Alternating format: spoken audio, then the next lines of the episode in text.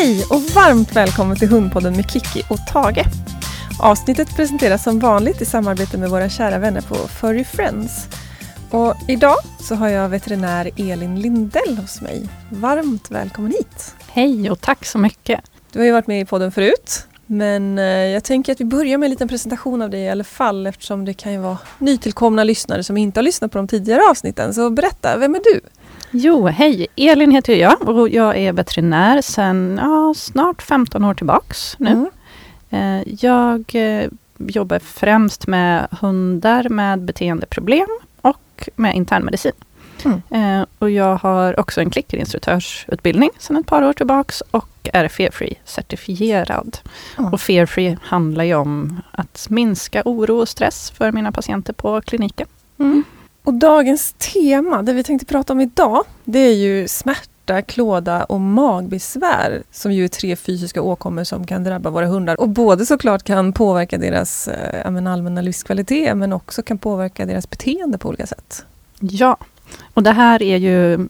Ja, men de här tre grejerna har jag ju valt att jag ville prata lite om idag, just därför att jag tycker att det är så vanligt och det kan vara, det kan vara jättelätt att fatta att hunden har de här problemen eller att det påverkar hundens beteende, men det kan också ibland vara jättesvårt. Mm. Och det finns vissa jag vet inte, myter eller missförstånd kring exakt hur det ska se ut när hunden till exempel har klåda eller ont någonstans eller problem med magen. Så då Mm. tänkte jag att det Superbra. Och vilken av de här eh, spåren vill du börja med? Ja, men jag tror att vi börjar med magproblemen. Mm. Och om man tänker klassiskt med, eh, ja, det är ganska uppenbart att en hund som kräks och har diarré dagligen, den har problem med magen. Den Mm. har ju per definition kroniska magproblem om den gör det varje dag i ett halvår. Mm. Eh, Men det man ibland glömmer bort är att många av de här kroniska magbesvären, de går snarare i skov eller i vågor. Och att det snarare kanske är så att hunden Ja, men den har problem med kräkning och diarré ett par gånger i månaden. Mm. Och i början så tänker man att äh, ja, men den åt ju någon skit i skogen eller Mm. ja, men det var nog kanske någon smitta från den där hunden jag träffade i hundrastgården. Men Mm. sen till slut så kan det vara svårt att komma på Mm. vad det är. Och är det så, då är det ganska stor risk att hunden faktiskt har ett kroniskt magproblem. För det är, som, det är precis som på folk, att Mm. det tenderar att gå lite i vågor. Kan det också vara så att en hund som har någon slags kronisk magåkomma, att den blir lite känsligare för att om den sätter i sig någonting i skogen, att en annan hund kanske Mm. klarar det utan att det blir så speciellt Absolut, mycket. så kan det ju också vara, att de är alldeles för liksom, känsliga i magen mot vad som är normalt. De flesta hundar tål ju faktiskt att äta lite skit, Mm. utan att det händer så mycket. Mm. Som en hund äter lite grann skit och blir dålig i magen i fem dagar, så Mm. kan det också vara ett observandum. Just det. Liksom att det är något som är problem. Det som man ibland glömmer bort här tycker jag är att hundar som har problem med att de är väldigt kräsna med mat eller tröttnar på mat snabbt eller kanske inte vill äta på morgnarna.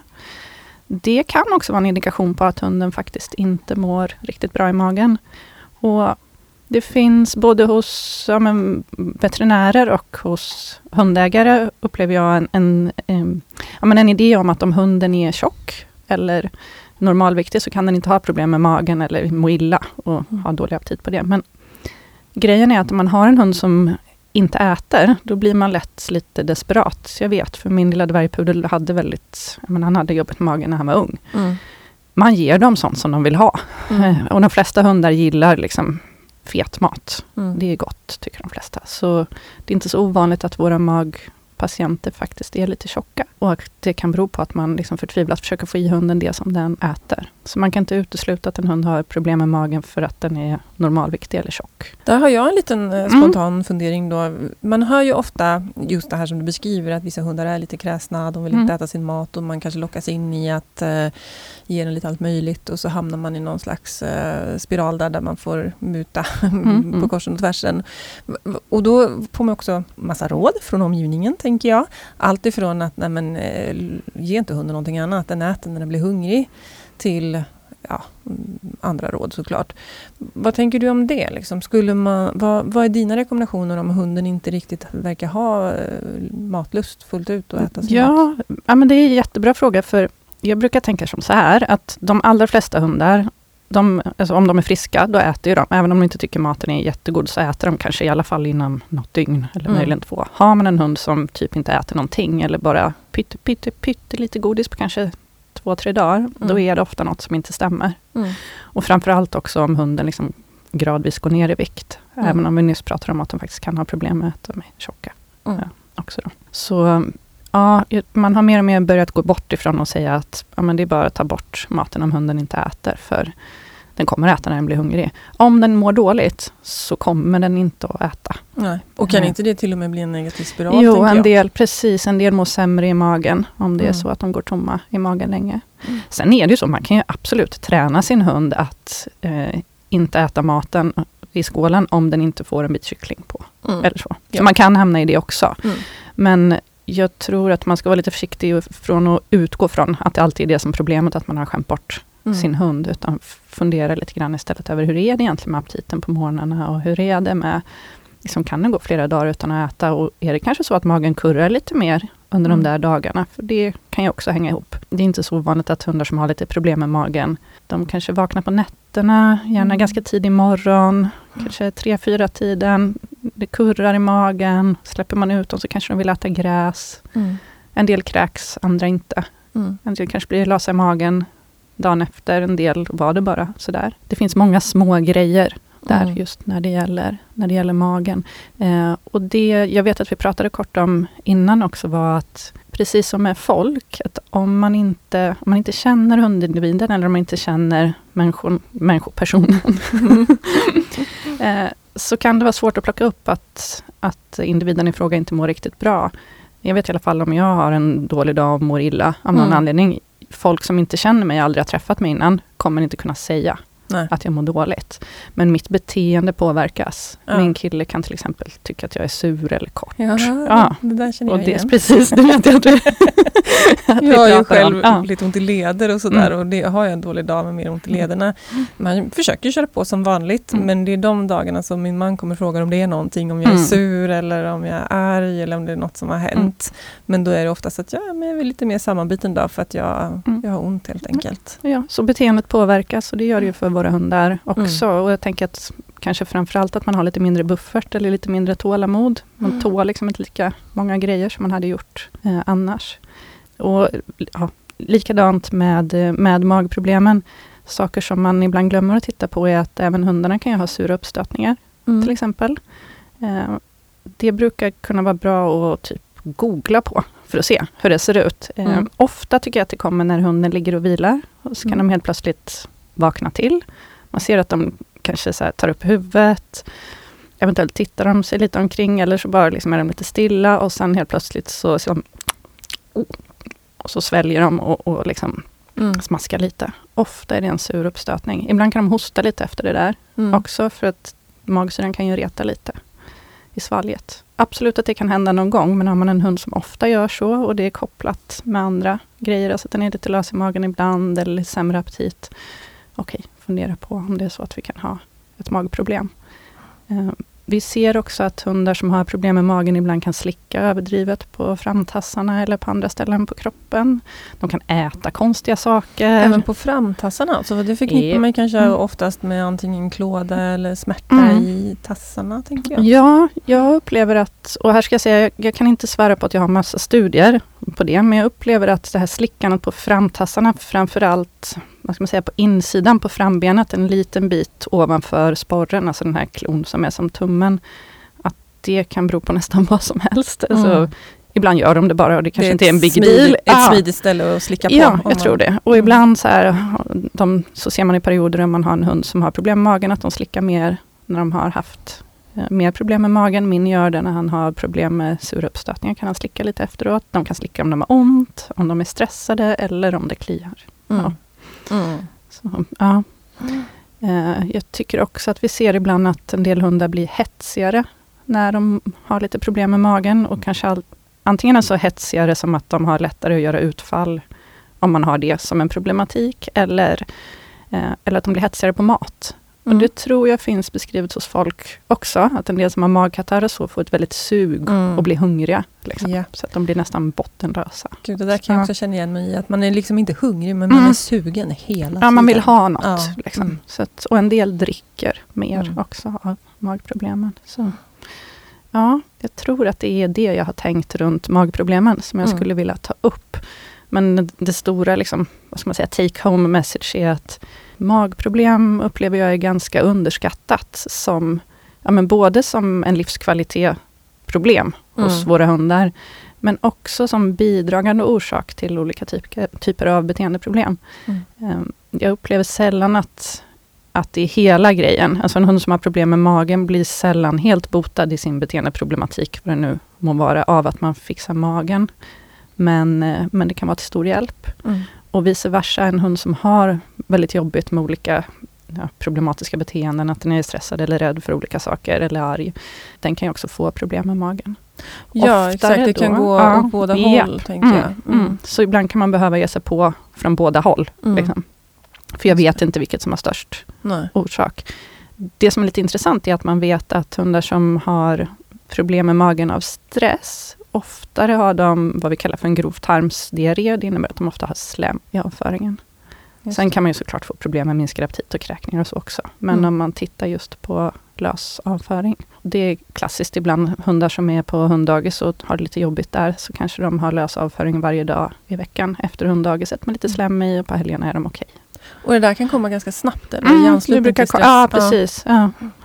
Gud, vi kan ha ja. Tage som praktikfall för allt det här. För att mm. allt det du beskriver av magen har han haft i olika perioder. Mm. Och dels kan jag se, har han varit med om en stressande upplevelse en mm. dag, då kan det direkt komma den här slemmiga avföringen. Mm, mm. Och han har också haft tidigare, då, innan han fick medicinering, så hade han problem med ja, men, kräkningar tidigt på morgonen. Alltid tidigt på morgonen såklart, mm, eller på mm. natten. Och gick det för lång tid mellan måltider så, så tappade han matlusten och ville inte ha mat helt enkelt. Ja, ja. Men det är ju... Ja, det är ju intressant att du säger det, för det är som sagt precis så jag upplever det ja. också hos mina patienter. Ja. Jag tänker lite, det är som du, jag tror du sa där, att eh, det kanske är underskattat både i liksom hur mycket det kan påverka hundens livskvalitet, men jag tänker också att det, jag upplever det som ganska vanligt att man liksom tänker lite att ja, men en hund är väl lös i magen ibland och hundar pruttar, mm, det mm, luktar mm, illa när hundar pruttar och så, men eh, jag antar att det är så att de ska liksom inte behöva ha, det är klart att de kan få lös avföring någon gång ibland, precis som en människa kan få de mm. äter kryddstark mat eller vad vet jag. Eller något de inte är vana vid. Mm. Men uh, jag tänker att de vanligtvis ska de väl inte behöva gå och Nej, och vara konstantlösa i magen. Nej. Nej. Och inte heller att det liksom kommer flera gånger i månaden. Nej. Då är det oftast någonting som om, inte stämmer. Om en hundägare kommer in till dig med en hund som har eh, någon form av, du får någon slags misstanke om, eller mm. ägaren själv misstänker att det är någonting med vagen. Vad händer då? Vad kan det vara? Liksom? Vad mm. undersöker mm. du? Ja, men alltså det beror ju helt, eh, alltså såklart på hur dålig ja. hunden är. Och sen beror det lite på vad hundägaren eller ja, hundens familj önskar. En del vill dra igång liksom en stor utredning direkt, eller om hunden är väldigt dålig och tappar i vikt och inte vill äta, så då är, man mer, då är jag mer sugen på, liksom, okej okay, men nu får vi nog ta tag i det här lite ordentligt. Mm. Annars ibland kan det handla om att börja med att titta på ett lättsmält foder, som man ger flera mindre portioner om dagen. Att man ser till att hunden får i sig något litet direkt på morgonen när den vaknar. Mm. Eh, speciellt de här som tenderar att inte äta på morgonen. Se om man på något sätt kan faktiskt greja lite, kanske ge någonting som är lite extra gott och snällt för magen. Lite kokt kyckling eller någonting sånt på första morgonmålet. Eh, och sen att de får ett sent kvällsmål, precis innan de går och lägger sig. Något litet. Är det så att eh, hunden har problem med lös avföring och framförallt om det är en yngre hund, så ligger det högt på listan att kolla om det finns några avföringsparasiter eller inälvsparasiter. Eh, och det är det ju lätt att skicka in själv också och kolla. Eh, som vill man det så kan man ju mm. göra det. För det är ju ofta en ganska enkel sak att åtgärda. Inte alltid, ibland kan det vara jättekrångligt. Men ja, det är tråkigt att göra en jättekomplicerad och lång utredning. Massa dyra foder och prover och så. Sen visar det sig att hunden har inälvsparasiter. Och där, visst är det så idag att man rekommenderar inte generell avmaskning regelbundet om de inte har några besvär? Nej, man gör inte det. Inte för vad ska man säga, den vanliga hunden. Sen kan det ju vara om hunden om man till exempel har en kennel med mycket mer, vad ska man säga, där det är fler hundar på liten yta, eller om man har hundar som går på hunddagis eller vistas med väldigt mycket andra hundar, så kan det vara klokt att avmaska med mm. jämna mellanrum. Jag tror inte att vi har några helt nya rekommendationer när det gäller avmaskning hos hund och katt. Jag tror att det kan vara på gång. Mm. Eh, men ja, som sagt, det senaste är att man inte rekommenderar liksom regelbunden avmaskning hos friska vuxna hundar mm. om de inte har någonting speciellt mm. annat som gör det, gör det lämpligt. Spännande. Mm. Nästa tema då? Ja, vi kom ju nästan lite in på klådan mm. i och med att du berättade lite grann om Tage där också. För det är ju så ibland att klåda och hudproblem och mage kan ibland höra ihop lite. Mm. Om man till exempel har någon bakomliggande överkänslighet. Mm. eller så. När det gäller klåda så har jag märkt att man tänker lätt att när hunden kliar sig, då gör den det med tassarna. Mm. Den kliar sig med baktassarna. Men klåda kan se ut på olika sätt. Alltså det kan vara att hunden kliar sig med baktassarna såklart, men det kan vara att den slickar eller naggar sig på olika ställen på kroppen. Eller att den gnuggar sig, till exempel med huvudet mot mattan, mm. eller går och gnider sig eller stryker sig eller rullar sig. Lite överdrivet. Mm. Så. Och vad som är överdrivet, man tänker rullande och liksom gnuggande och så, det kan ju vara jättesvårt mm. att veta. Eh, jag tänker att om man börjar med att fundera på om det är någonting som har ändrats.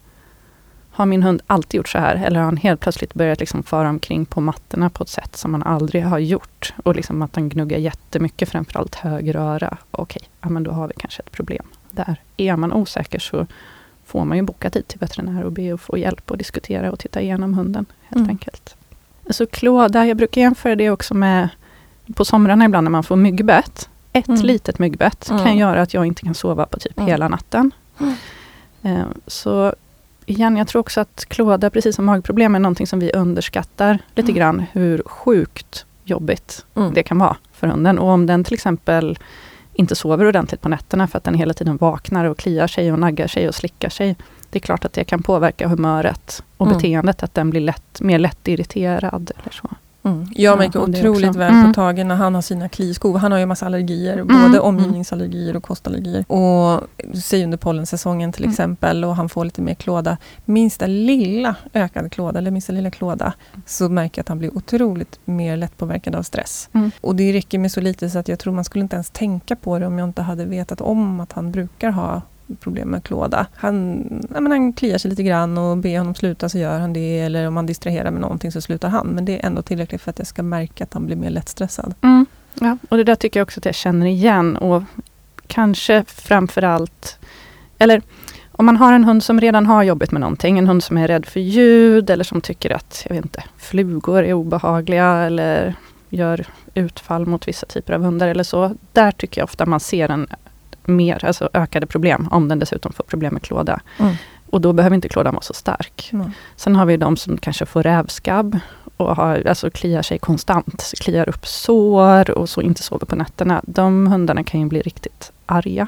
Mm. Från att de har funkat jättebra i familj och med barn, men att de helt plötsligt börjar uppföra sig aggressivt.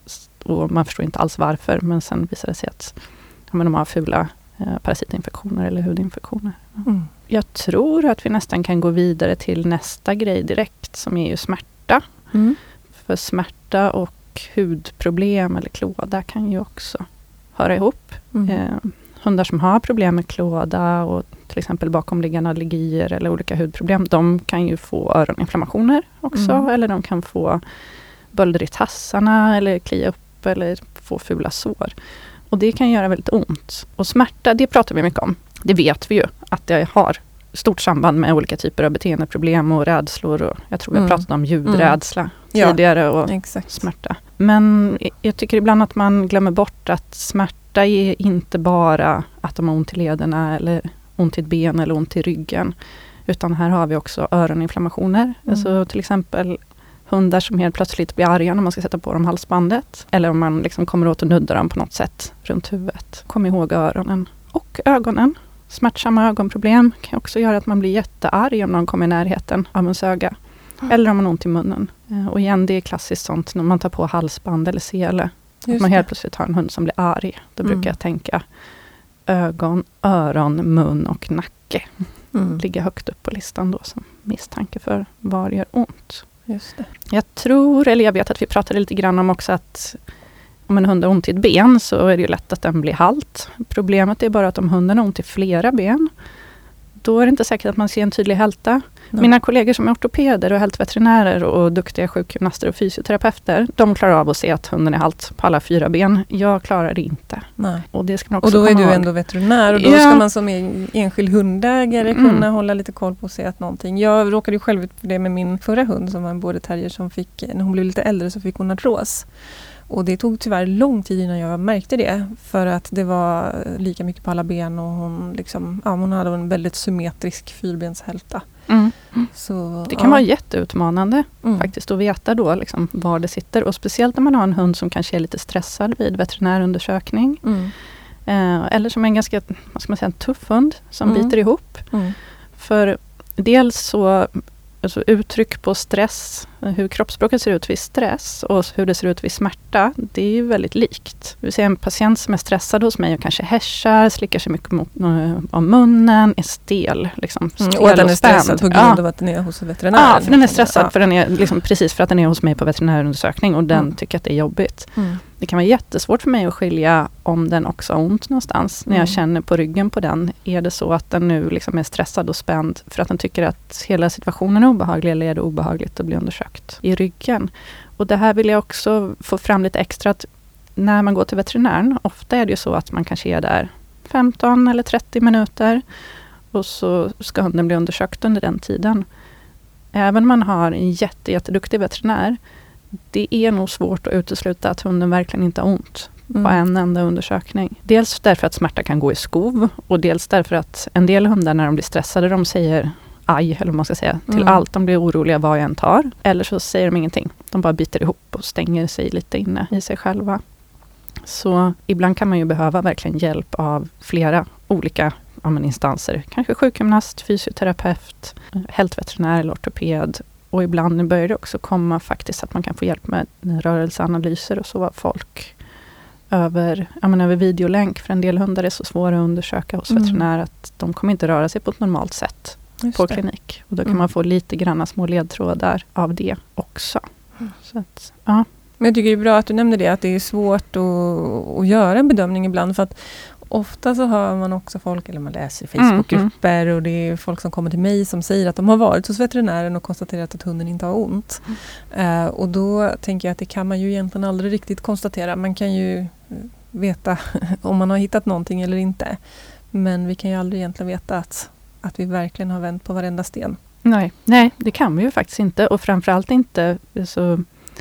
Jag brukar tänka att om de kommer till mig, jag jobbar inte med hältproblematik eller ortopedi egentligen. Absolut, jag kan göra liksom en, en vanlig normal klinisk undersökning och kan hitta många smärtproblem på så sätt. Mm. Men inte alls samma sak att gå till mig som att gå till någon som enbart jobbar med eh, rörelseapparaten, alltså ben och Mm. leder och muskler. Mm. Det är helt olika saker. Så många får jag ju hänvisa liksom för att få hjälp Mm. ytterligare. Och ganska ofta tycker jag man kan ha, eller väldigt ofta har man stor nytta av att få hjälp både av veterinär och sjukgymnast eller fysioterapeut. Eller kaniniopat. Jag tänker på en annan grej som kanske har koppling både till smärta, klåda och magen.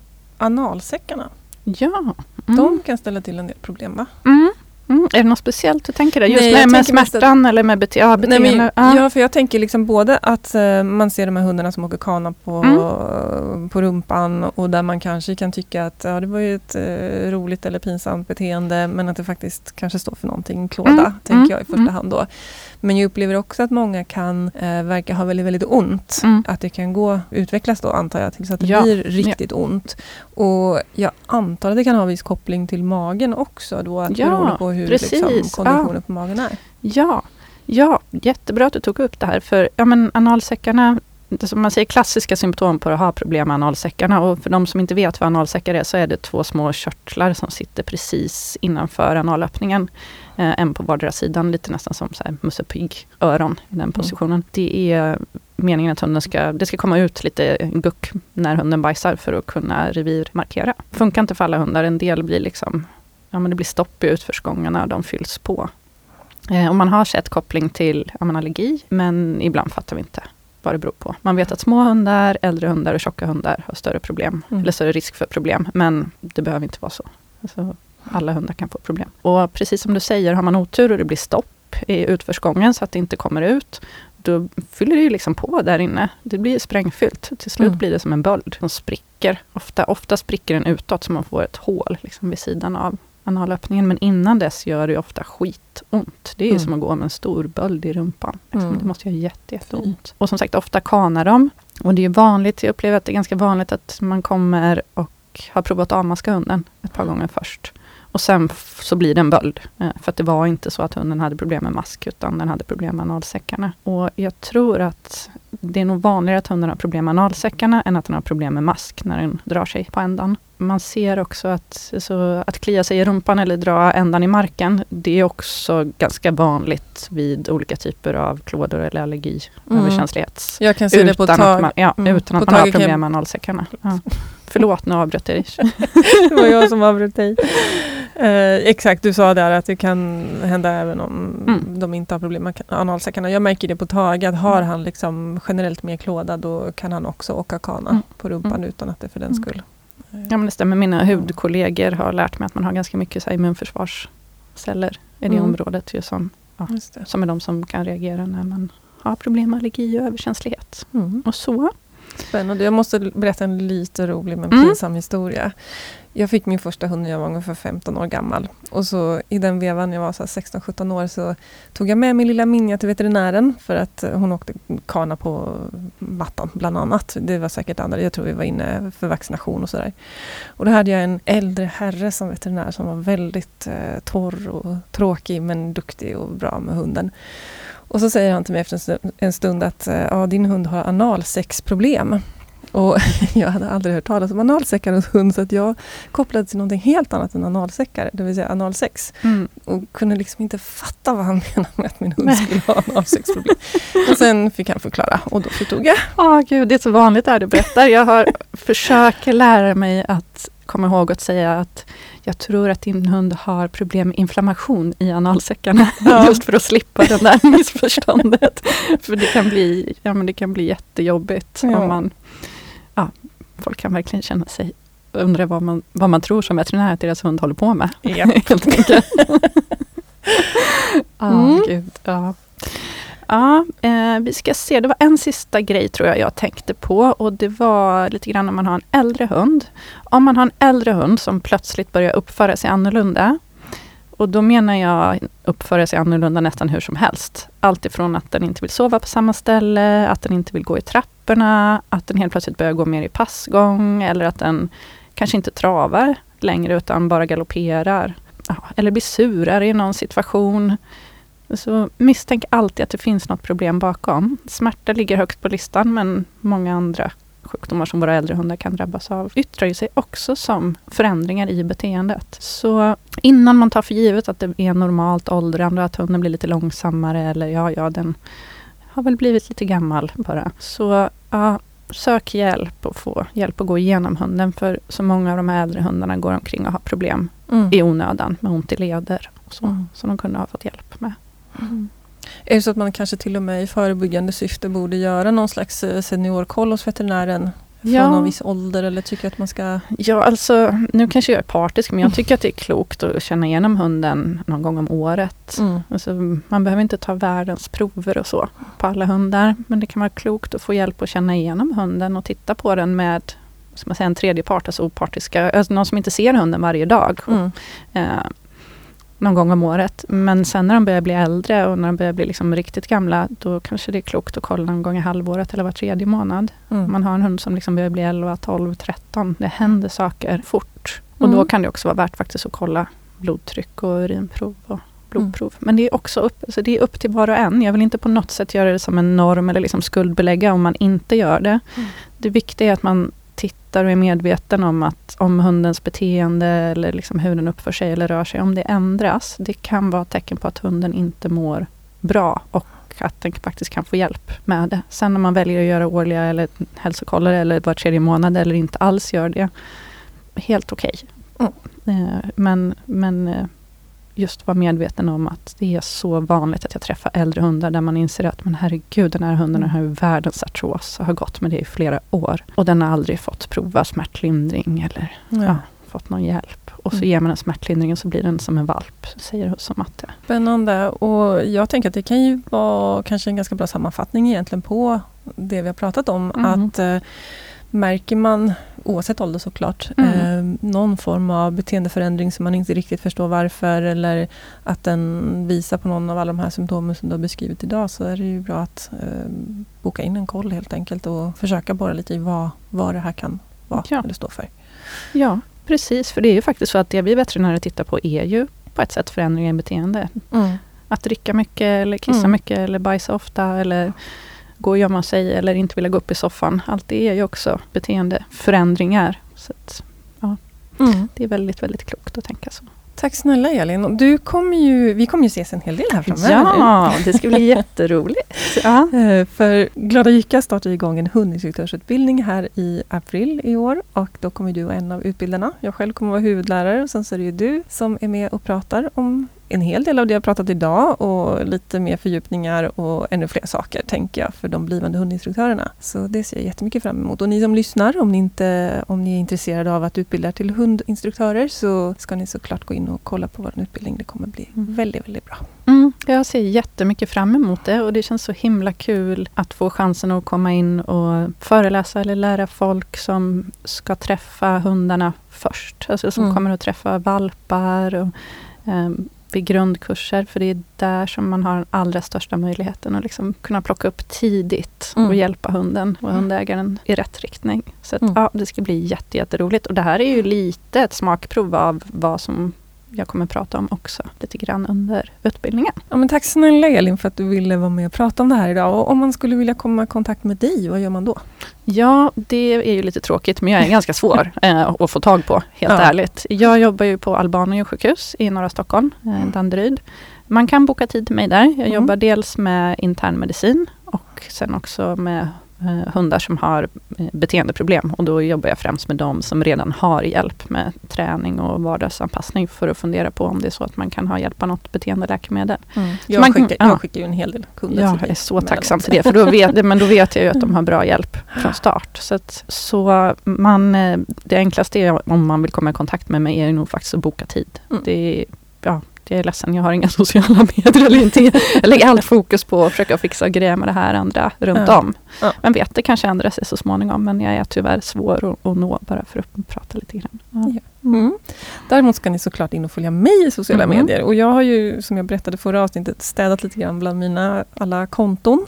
Och jag kommer framförallt satsa nu framöver på mitt eh, Instagramkonto som heter Hundpsykologen Kiki. Jag har släppt och stängt ner nu eh, Hundpoddens eget konto för det blev lite mycket att finnas på flera kanaler. Så vill ni ha fortsatt information om podden, då är det på mitt eget konto ni ska gå in och kolla. Och där jag också massa olika tips och råd och inspiration och massa gulliga bilder på både Tage såklart men även eh, hundar som är på kurs och sådär. Så att det, där får ni gå in och följa. Men återigen tack Elin och tack alla ni som har lyssnat på Hundpodden med Kiki Felstenius och Tage the Beagle och idag även med Elin Lindell. Mm, tack så hemskt mycket. Det har alltid varit lika roligt att få vara med. Ha en underbar dag!